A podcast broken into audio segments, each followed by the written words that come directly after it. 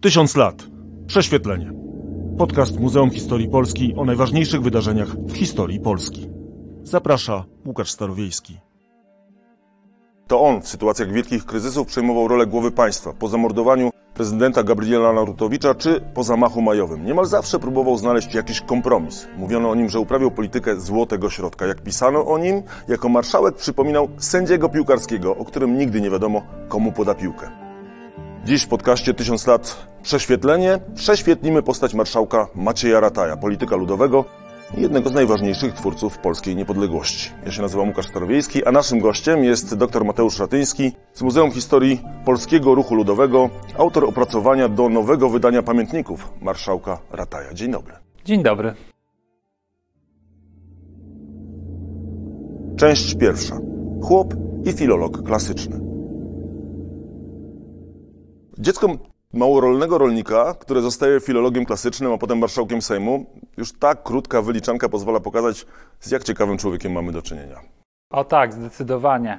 E, ale musimy także pamiętać, że on miał to szczęście, że jego rodzice byli światłymi włościanami, a jego ojciec Wojciech prenumerował liczne czasopisma, w tym słynne, słynny tygodnik Wieniec i Pszczółka wydawany na terenie Galicji. Miał również bardzo wiele książek. No Kupował i... książki. Myślę, tak. że musiał być uważany za dziwaka w okolicy. no coś w tym jest, no to prawda. No, ale dzięki temu jego właśnie tutaj syn Maciej, jedyny syn, bo reszta to były jego, to były córki. Sześć córek, jeden syn. E, tak. Rodzynek. E, rodzynek, e, trochę inaczej też traktowany niż te córki.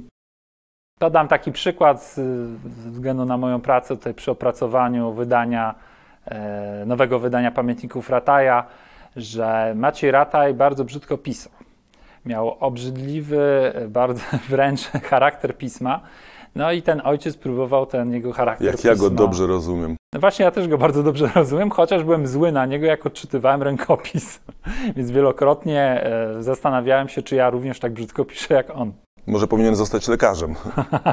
E, to tak już e, e, nawiasem mówiąc. Ale właśnie ta rodzina rzeczywiście była ewenementem, można powiedzieć, bo, no bo ten ojciec, mający siódme, siódemkę dzieci, miał cztery morgi ziemi, czyli tak naprawdę małe gospodarstwo, pracował jako furman, a jednocześnie miał to, to, drugie, to drugie życie, to takie powiedzmy intelektualne życie. O tak, zdecydowanie. No i w, wpływało to na, autentycznie na Macieja, jako młodego chłopaka. On poszedł do szkoły ludowej, więc też podjął edukację. Był wyróżniającym się uczniem. No i to pozwoliło mu potem iść do gimnazjum klasycznego, w którym bardzo się dobrze uczył, dlatego dostawał stypendium. No właśnie, bo inaczej jego kariera bez niego samego nie byłaby możliwa na e, edukacyjna, bo po prostu nie miałby tata, ile by nie oszczędził na zakupie książek, raczej tej edukacji by nie mógł mu sfinansować w całości. Tak, to prawda, ale możemy też zwrócić uwagę, że system galicyjski jednak na szczęście dawał te stypendia dla bardzo zdolnych uczniów bez y, jakiegoś zależności od stanu klasowego tych uczniów, więc dzięki temu właśnie dostawał te stypendia, mógł podjąć naukę na Uniwersytecie Lwowskim, no i zostać filologiem klasycznym nauczycielem. Ja jeszcze wrócę do tego pisania, bo przerwałem, e, a, a, to są piękne historie na temat tego, jak próbował ojciec wtłoczyć kaligrafię synowi w ręce. O, zdecydowanie, tak, tak. Do, do, dosłownie próbował wtoczyć za pomocą przemocy, teraz uznawanej byłoby za mało pedagogiczną. E, no ale no, nie wyszło mu to za bardzo. Co Maciej wspominał w takim wywiadzie, na łamach y, naokoło świata udzielonego takiemu bardzo znanemu reportażyście Konradowi Wrzosowi. Ale z drugiej strony też, jak czyta się te wspomnienia właśnie sprzed 100 lat, czy, czy, czy, czy tam tego typu, to te kary fizyczne y, to nie było coś takiego jak teraz karygodnego. To był sposób wychowawczy i wielu z tych takich osób, y, no, jak Maciej Rataj, oni nie wspominają tego e, z jakimś e, takim żalem do rodziców, że tak robili. To, to był trochę, usprawiedliwiając tego e, tatę, że to był taki jakby naturalny element edukacyjny. Ojciec był dla niego e, zawsze największym autorytetem, więc e, tutaj nie, nigdy, nigdy nie miał e, do niego wątów o to, a raczej to wspominał humorystycznie, więc to jeszcze inaczej. A przypomnijmy, że ojciec mógł się zastanawiać nad tym, że przecież wysyła jedynego syna, kto będzie jego następcą, kto mu pomoże w gospodarstwie i tak dalej, i tak dalej. Ta blokada bardzo często działała właśnie w tę drugą stronę, jako blokada działała ewentualnemu rozwojowi. Na szczęście jego rodzice doczekali jego kariery politycznej, więc mogli być z niego dumni. Ale jak to się stało, że e, e, syn rolnika, chłopa, e, poszedł na filologię klasyczną? Nie poszedł, nie wiem, w jakieś takie kierunki, które by wydawały się naturalne, że lekarzem zostanie, księdzem, nie wiem, prawnikiem może, tylko filolog klasyczny. A to dobre pytanie bardzo, bo to w gruncie rzeczy nie, nie ma jednoznacznej odpowiedzi na to. Bo to się wydaje takie trochę surrealistyczne w tym, tej całej historii. No ale to były wtedy. Z naszego punktu widzenia. To były wtedy modne kierunki, więc y, greka, łacina dawały te wykształcenie klasyczne. No. Uczył się w gimnazjum klasycznym, w którym miał tą grekę, łacina. No i poszedł dalej w tym samym kierunku, tak jak niektórzy uczą się teraz w, w liceum ogólnokształcącym w klasie humanistycznej, no to idą w kierunku y, przedmiotów humanistycznych, studiują. Potem często y, nie wykonują swoich zawodów, ale to już jest inna sprawa. No on poszedł w tym kierunku, no i na szczęście miał ten komfort, że właśnie został nauczycielem y, w jednym z, gimnazjów we, Lwowie, tak. Mhm. A następnie. I był chyba, lub, był chyba lubianym nauczycielem z tego, co tam czytałem. O, zdecydowanie. Uczniowie go bardzo cenili i bardzo go e, lubili, bo był, był dobrym nauczycielem, ale też był taki koleżeński, więc to też to też na to wpływało. Ta, ta, ta przygoda z edukacją zresztą zaowocowała taką historią, jak był ministrem do spraw religijnych, że on zakazał bicia w szkołach. Znaczy, Rataj, y, te, te doświadczenia edukacyjne jego jako nauczyciela, e, nauczyciela w Lwowie, potem w Zamościu, a także korepetytora dzieci czartoryskich, to wszystko wpłynęło na to, że był nie tylko potem jako minister y, takim urzędnikiem, ale no, praktykiem znał tą szkołę, więc wiedział, jakie są jej potrzeby, jakie są potrzeby uczniów, rodziców. E, I to wpłynęło również na jego właśnie tutaj pełnienie tych funkcji. No on na forum Sejmu Ustawodawczego również był e, członkiem Komisji Oświaty, więc był w tych zagadnieniach edukacyjnych bardzo, e, bardzo zaangażowany. Zresztą to jest kolejna taka rzecz, że na forum ruchu ludowego właśnie ci nauczyciele ludowi, wyższego i niższego stopnia bardzo się udzielali i oni w dużej mierze kształtowali politykę stronnictw ludowych, czy to Polskiego Stronnictwa Ludowego Piast, czy PSL Wyzwolenia. Ja mam wrażenie, że wspomnieliśmy pana Czartoryskiego, Witolda, posła na Sejm Krajowy e, z Galicji, e, że to był taki kolejny przełom w jego życiu, bo, e, bo tam się spotkał, tak wygląda na to, z polityką po prostu. Także taka obecność na dworze e, szlacheckim, ziemiańskim u Sejma, e, posła w Sejmie Krajowym, konserwatysty, no potem też będzie działaczem politycznym II Rzeczpospolitej. E, także wpływa na takie nabranie pewnych manier, które mogą nie do końca być dostępne dla dziecka mm, ze wsi znaczy on już nie jest dzieckiem, już jest dorosłym mężczyzną, ale nabiera pewne e, maniery, obserwuje pewne zachowania i to mu w dużej mierze także pomoże w późniejszych latach jako politykowi. On jako polityk nie będzie się kojarzył z włościaninem. On oczywiście mm, swojego pochodzenia się nie wypierał, ale on się otaczał inteligencją, on był przede wszystkim inteligentem i otaczał się tą inteligencją i był e, także na różnych spotkaniach e, z, z dyplomatami, z, z, przedstawicielami politycznymi. On ma takt, maniery, no i w dużej mierze podejrzewam, że, że nabyte były również na tym dworze czartoryskich. I to jest taki rys, który podkreśla wielu jego współpracowników, oponentów, który jest charakterystyczny dla niego w czasie całej działalności E, działalności politycznej, o której za chwilę. Część druga. Marszałek Złotego Środka.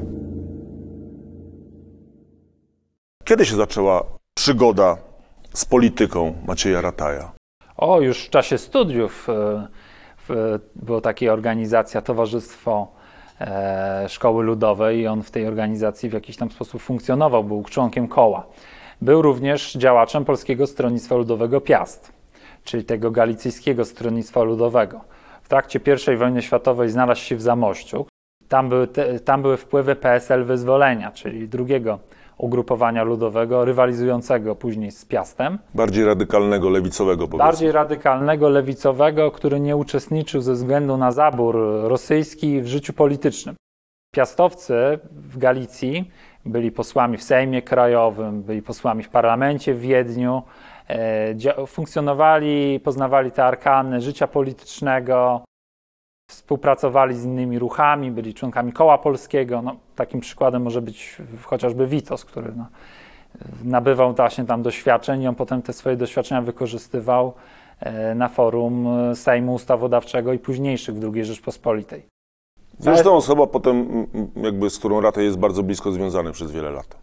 Tak, to jest y, inna w ogóle sprawa i to jest temat, w ogóle mógłby, można byłoby zrobić podcast o treści e, Wincenty Witos i Maciej Rata historia e, politycznej przyjaźni, bo to była przyjaźń polityczna. Szorstka przyjaźń czasami?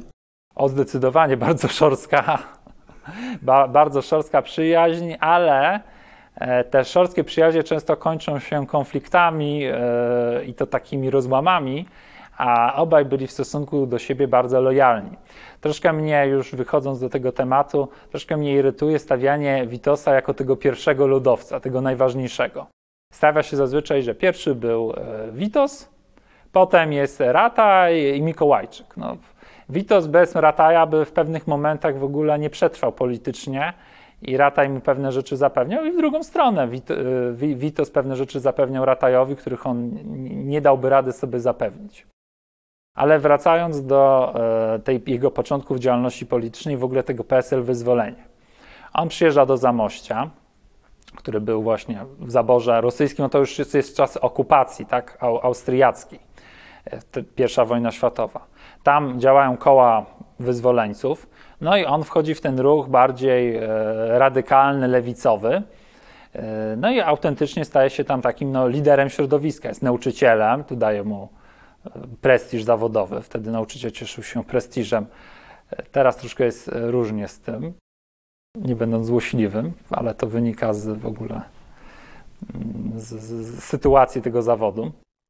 On jest jednym z publicystów Gazety Zamojskiej. To jest taka efemeryda prasowa to pismo nie przetrwało zbyt długo, no ale on nabywa również doświadczeń publicystycznych, pierwszych zresztą. Staje się lokalnym tam liderem, no i zostaje w 19 roku posłem na Sejm Ustawodawczy z list PSL Wyzwolenie. Jesteśmy już w Sejmie. Jeszcze dodam taką krótką historię wcześniej, bo w ramach rządu ludowego lubelskiego dostaje propozycję komisarza e, w województwie zamojskim i chyba jako zbyt lewicowy, e, w związku z tym, że ten rząd jest zbyt lewicowy, ją odrzuca. Dobrze to e, zinterpretowałem? Znaczy, oni te funkcje komisarzy to proponowali w gruncie rzeczy e, każdemu e, przypadkowemu. Ministrem spraw wewnętrznych był Stanisław Tugut, również wyzwoleniec ludowiec, no i szukał różnych kandydatów na te funkcje. Podobnie było w powiecie chełmskim, gdzie zaproponowali Janowi Dębskiemu. Wspominam o nim, bo jestem autorem biografii na jego temat, a także on był bliskim przyjacielem Rataja i wydał jego pamiętniki. E, te pierwsze wydanie w 1965 roku. Jemu zaproponowali też funkcję komisarza na powiat e, chełmski, e, no ale on był w tym chełmie z jakiś miesiąc, więc w sumie za bardzo zbyt wiele na temat tego regionu nie wiedział, więc oni tak poszukiwali tych różnych kandydatów. Zresztą zanim to się zdążyły te tak. struktury ukonstytuować, to tego rządu już dawno, dawno nie było. Więc no zdecydowanie. Tak, zostawmy już tego komisarza, bo jesteśmy już w Sejmie, ale może zanim przejdziemy do tego Sejmu, to porozmawiamy chwilę o tym, jakim był człowiekiem. Współcześnie go dosyć w kilku miejscach znalazłem mniej więcej podobne opisy. Wyróżniał się wśród nich rasową, męską urodą, bujną czupryną, żywym, inteligentnym wyrazem oczu, twarzy, no i logicznym formułowaniem opinii. Zwłaszcza ta e, bujna czupryna się pojawiła no tak. właściwie wszędzie. Jest takim znakiem charakterystycznym dla marszałka Rataja.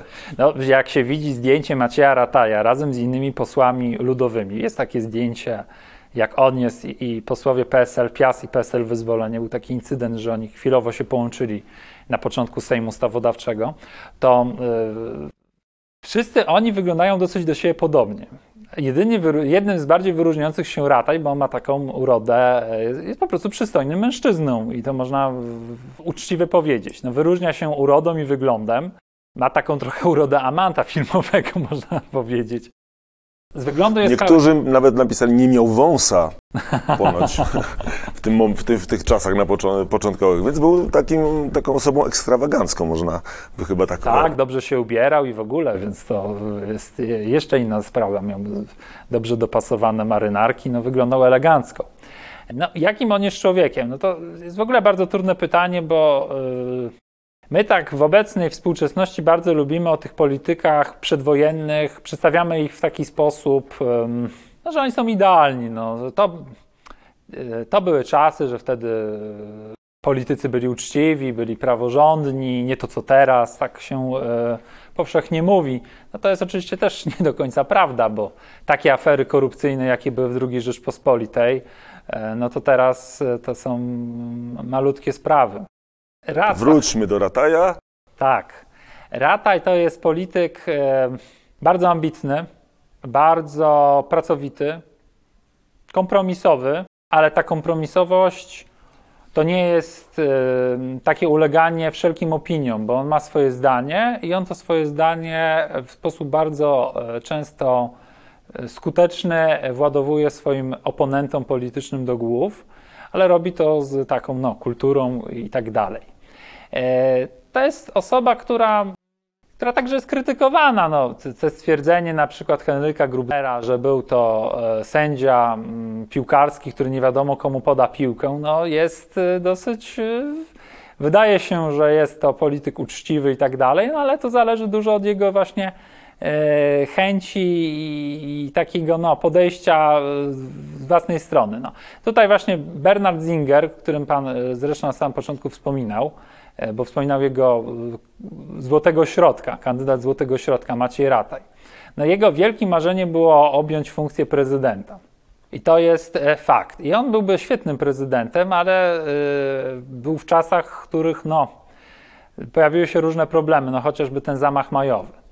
A on jako polityk ma również swoją własną frakcję wewnątrz PSL Piast bo on w pewnym momencie znajduje się w tym ugrupowaniu w 20 roku. U Witosa. U Witosa się znajduje. To wynika z nieudanego połączenia wyzwoleńców i piastowców. E, duża grupa polityków na czele z Ratajem przechodzi do PSL Piast.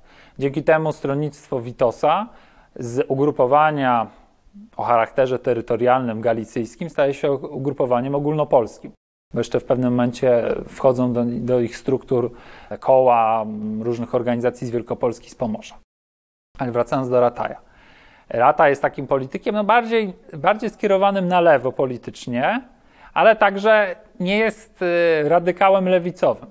Jest taki słynny fragment z jego pamiętników, y, którym krytykuje swoich współpracowników z wyzwolenia, jeszcze jako poseł, i pisze o nich, że byli zawiani frazeologią radykalną. To jest polityk ścisłego centrum, który jednak bardziej sympatyzuje z lewicą. Chociaż w 23 roku nie przeszkadzało mu to, żeby popierać e, koalicję z ugrupowaniami prawicy. Był jednym z współtwórców e, tego hienopiasta, tego drugiego rządu Witosa, e, o czym wielu zapomina. To teraz już a propos jego kariery, bo on bardzo szybko robi karierę w tym pierwszym Sejmie. Jest najpierw pra- pracuje nad konstytucją, jest wiceprzewodniczącym, potem szefem tej komisji. Za chwilę tak naprawdę w momencie przełomowym dla Polski zostaje ministrem w rządzie ocalenia narodowego tym ministrem od tych spraw e, religijnych. E, no i chwilę później tak naprawdę jest marszałkiem. O tak, ale te kariery polityczne w tamtym czasie są w ogóle bardzo szybkie. To nie jest tylko postać Macieja Rataja, bo takich postaci jest jeszcze kilka, chociaż wiadomo, że Maciej Rataj osiągnął, no, był, został marszałkiem Sejmu, czyli drugie stanowisko w, w państwie objął. Zważywszy na słabą rolę prezydenta e, i premiera, to i, i taką, no, mocną pozycję Sejmu, to już w ogóle można byłoby stwierdzić, że w ogóle był pierwszą osobą w kraju. A Oczywiście dwa razy był po zamordowaniu tak. Narutowicza, kiedy w znacznej mierze przy, przyczynił się do tego, że to napięcie zostało rozładowane i udało się wybrać następnego prezydenta i nie, nie było zamieszek za dużych, jakby udało się to zrobić tak dosyć bezpiecznie, znaczy przeprowadzić Polskę bezpiecznie przez ten wielki zamęt. W 26, kiedy e, on też jakby stanął trochę okrakiem na barykadzie, e, dzięki czemu prawdopodobnie tej krwi wylało się znacznie mniej niż mogło w czasie zamachu majowego. Co zresztą potem okazało się, że on, jego stanowisko jakby e, spowodowało trochę zwichnięcie jego kariery, no ale, ale stanął jako głowa państwa i sprostał zadaniu w dwóch przełomowych, mega przełomowych momentach. O tak, to, to prawda. Chociaż to pierwsze z Narutowiczem, to tutaj nie ma żadnych kontrowersji wokół tego. Kwestia zamachu majowego jest, czy, czy był zbyt ufny wobec Józefa Piłsudskiego, czy nie. I to jest pytanie, które sobie różni historycy zadają i starają się tutaj, e, dy, dyskutują Czy to była ze sobą. ufność, czy to było jednak e, rozegranie, próba rozegrania politycznego, które się nie Moim zdaniem to była próba rozegrania politycznego, ponieważ doprowadził do rozładowania napięcia i on e, także później starał się, żeby Piłsudski w ogóle objął funkcję prezydenta. Potem jego kandydat, czyli Ignacy Mościcki. To była z jego strony no, próba właśnie takiego mm, sprytnego rozegrania sytuacji. Premierem rządu został Kazimierz Bartel, który był jego przyjacielem. Oni się ze sobą bardzo blisko e, kolegowali, więc to też nie było tak, że wszystko zostało narzucone Ratajowi przez Piłsudskiego. No nie, Rataj również w tym uczestniczył. Oczywiście jest pytanie, po latach możemy sobie zadawać, czy podjęte przez niego decyzje były słuszne. Ja myślę, że gdyby Maciej Rataj e, nie podjął tych kompromisowych działań, e, to sytuacja mogłaby wyglądać o wiele gorzej. On również tutaj zachęcał e, Wojciechowskiego i Witosa do, takiego, do tych rezygnacji. To jest trudny temat i tu nie ma jednoznacznej. W każdym razie byliśmy o krok od dużo większego rozlewu krwi w czasie zamachu majowego niż w rzeczywistości to się wydarzyło. Trudno powiedzieć, jakby się potoczyła historia, natomiast na pewno to tam, że te kilkaset ofiar, to mogło się łatwo przerodzić w tysiące ofiar tego, tego, tego, tego zamachu, a Rataj między innymi spowodował, że jednak dosyć szybko te e, zostały jakieś procedury uruchomione, nazwijmy to procedury awaryjne i tak naprawdę się e, e, doszło do uspokojenia. Nie pomyśli Rataja na końcu, bo się okazało, że, że to, nazwijmy to zaufanie Piłsudskiemu, no to, to, to chyba się trochę zawiódł. Jeżeli, jeżeli, jeżeli zaufał Piłsudskiemu, to trochę się na tym zawiódł. To jednak był państwowiec i on y, patrzył na państwo nie partykularnymi interesami, chociaż wiadomo, że każdy polityk jest na swój sposób próżny i y, patrzy na, swoje, na swoją karierę, ale on patrzył y, na to mm, jako państwowiec, że właśnie ten zamach majowy mógłby doprowadzić do interwencji sąsiadów Polski. No w końcu mamy złe relacje zarówno z Niemcami, jak i bolszewikami. Podsumowując ten czas, w momencie, kiedy Rataj był na górze, to e, na samym szczycie, to przytoczę cytat właśnie z niego a propos początku jego, jego sejmowej pracy. Sam zapał nieuzdalnie jeszcze do roli budowniczego państwa. A nie wystarcza i dobra wola. Trzeba wiedzy i znajomości spraw państwowych, trzeba umiejętności generalnego patrzenia na sprawy. Od początku przykładałem się pilnie do pracy, sumiennie studiowałem sprawy, które e, miały być decydowane. Uchodziłem za jednego ze zdolniejszych posłów, a jednak nie bez politowania patrzę dziś na siebie z owych czasów i nie bez pewnych wyrzutów sumienia, iż z ówczesnym horyzontem byłem jednym z tych, od których zależał los państwa. Nie boi się powiedzieć, że był dobry, nie boi się powiedzieć, że był jeden z lepszych, ale przyznaje, że, e, że wielu rzeczy nie wiedział. Tak, to jest fragment z 19 roku, jak są jego początki kariery politycznej i uczy się tych arkanów e, sztuki posłowania, można powiedzieć. No myślę, że to do, dobrze pasuje do tych kolejnych sytuacji kryzysowych, które, które on przechodzi, łącznie z 26 rokiem też. O tak, zdecydowanie. Ta praca poselska wymagała naprawdę dużo, dużo zaangażowania i nie wszyscy byli jej w stanie sprostać na samym początku. E, bardzo wielu polityków e, w swoich wspomnieniach, pamiętnikach cieszyło się z tego, że w Sejmie Ustawodawczym było bardzo wielu włościan, e, robotników. W ogóle mówiono o Sejmie Ustawodawczym, że to jest chłopski Sejm. Tylko, że oni potem nie do końca sobie radzili z tą pracą sejmową. No jednak tam do tworzenia nowego państwa byli potrzebni prawnicy, ludzie z wyższym wykształceniem, e, obeznani w różnych e, zagadnieniach, działacze gospodarczy. No, to wymagało solidnej, intensywnej pracy. No i Maciej Rataj właśnie tej pracy sprostał, bo był zaangażowany całym sercem i poświęcony właśnie temu. Mimo wszystko spokojnie możemy go nazwać propaństwowcem, człowiekiem, dla którego górnolotnie mówiąc Polska była naprawdę bardzo, bardzo ważna. I teraz postawimy kropkę i przejdziemy do części kolejnej. Część trzecia. Przeciw sanacji. Wspierając tego Piłsudskiego, co już wspomnieliśmy, i przeprowadzając jakby Polskę przez ten zamach majowy, no Rataj w ostatecznym rozrachunku przegrał. Bo z tego polityka, bo polityka tego złotego środka właściwie się wypaliła. No on tego jeszcze nie rozumiał na początku. Wiele osób nie rozumiało pewnie, nie tylko on. Natomiast bycie mm, okrakiem na barykadzie już tak trochę odchodziło do śmietnika historii, ponieważ taka była wola Józefa Piłsudskiego po 26 roku. Co robi w takim razie Rataj, e, gdy okazuje się, że już no nie może być e, takim człowiekiem, jednym z najważniejszych w państwie? Jeszcze tutaj uzupełnię, że Józef Piłsudski bardzo sprytnie rozgrywał Rataja e, na forum pierwszej kadencji Sejmu różnymi działaniami, tymi właśnie mm, nie do końca zgodnymi z konstytucją. Zresztą też została uchwalona, uchwalona nowela sierpniowa w 26 roku, która w ogóle dała kolejne instrumenty władzy wykonawczej, przede wszystkim prezydentowi, do wydawania rozporządzeń i tak. No, Maciej Rataj jest rozgrywany do końca kadencji. No i spotyka się z, no, no, no, trochę jest upokorzony politycznie. Do kolejnej kadencji drugiego Sejmu RP, 28-30 rok, on wchodzi, również jest posłem.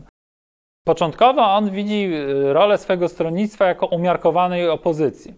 E, dochodzi do takiej koalicji politycznej Hadeków, którzy wcześniej współpracowali z Endecją. Ci Hadecy startują pod takim blokiem katolickim z PSL Piastem. E, do, do, do wyborów e, z nimi podchodzą. No i potem one, te drogi się rozchodzą, mają oddzielne kluby. Rataj stara się być takim politykiem kompromisowym również na forum tej drugiej kadencji Sejmu, umiarkowanej opozycji, no ale coraz bardziej widzi, że to nie ma szansy powodzenia. I angażuje się na przykład w Centrolew. Tak, jest jednym... Przyspieszając trochę bieg rzeczy. Tak, jest właśnie jednym ze współtwórców Centrolewu. Również w dużej mierze przekonuje do tej koncepcji Wincentego Witosa, który, e, który był e, początkowo razem ze swoimi bliskimi współpracownikami miał e, inną wizję, wizję bardziej centroprawu czyli współpracy z Endecją i z prawicą. No, ale ta współpraca w ramach Centralewu jest bardziej korzystna ze względu także na układ polityczny. Lewica jest bardzo w drugiej kadencji Sejmu bardzo jest wzmocniona. PPS jest drugą siłą polityczną. Rata jest jednym ze współtwórców Centrolewu, jest coraz większym krytykiem sanacji, no i nadchodzą wybory 30 roku, wybory brzeskie. Duża część liderów politycznych została aresztowana, w tym Wincenty Witos. No i Maciej Rataj po raz kolejny jest takim mężem opatrznościowym. Wcześniej był mężem opatrznościowym swojego, ogólnie państwa. Wtedy jest mężem opatrznościowym swojej partii, bo jak nie ma Witosa, to on staje na wysokości zadania i prowadzi tą partię w wyborach. To jest także polityk uczciwy. Uczciwy, ale także, no, myślę, że wielu polityków by teraz tego nie zrobiło, ale on rezygnuje z miejsca na liście państwowej na rzecz Witosa. Czyli w pewien sposób potem oddaje mu swój mandat, bo e, Maciej Rataj nie wchodzi do Sejmu w 30 roku. Ma chwilową przerwę od posłowania. W latach 30. Rataj jest redaktorem naczelnym nowego pisma Zielony Sztandar, które zresztą jest wydawane do teraz. E, ono teraz jest, chyba ma charakter dwutygodnika, z tego co pamiętam, no ale ono już jest, te, te, też jest organem politycznym, partyjnym.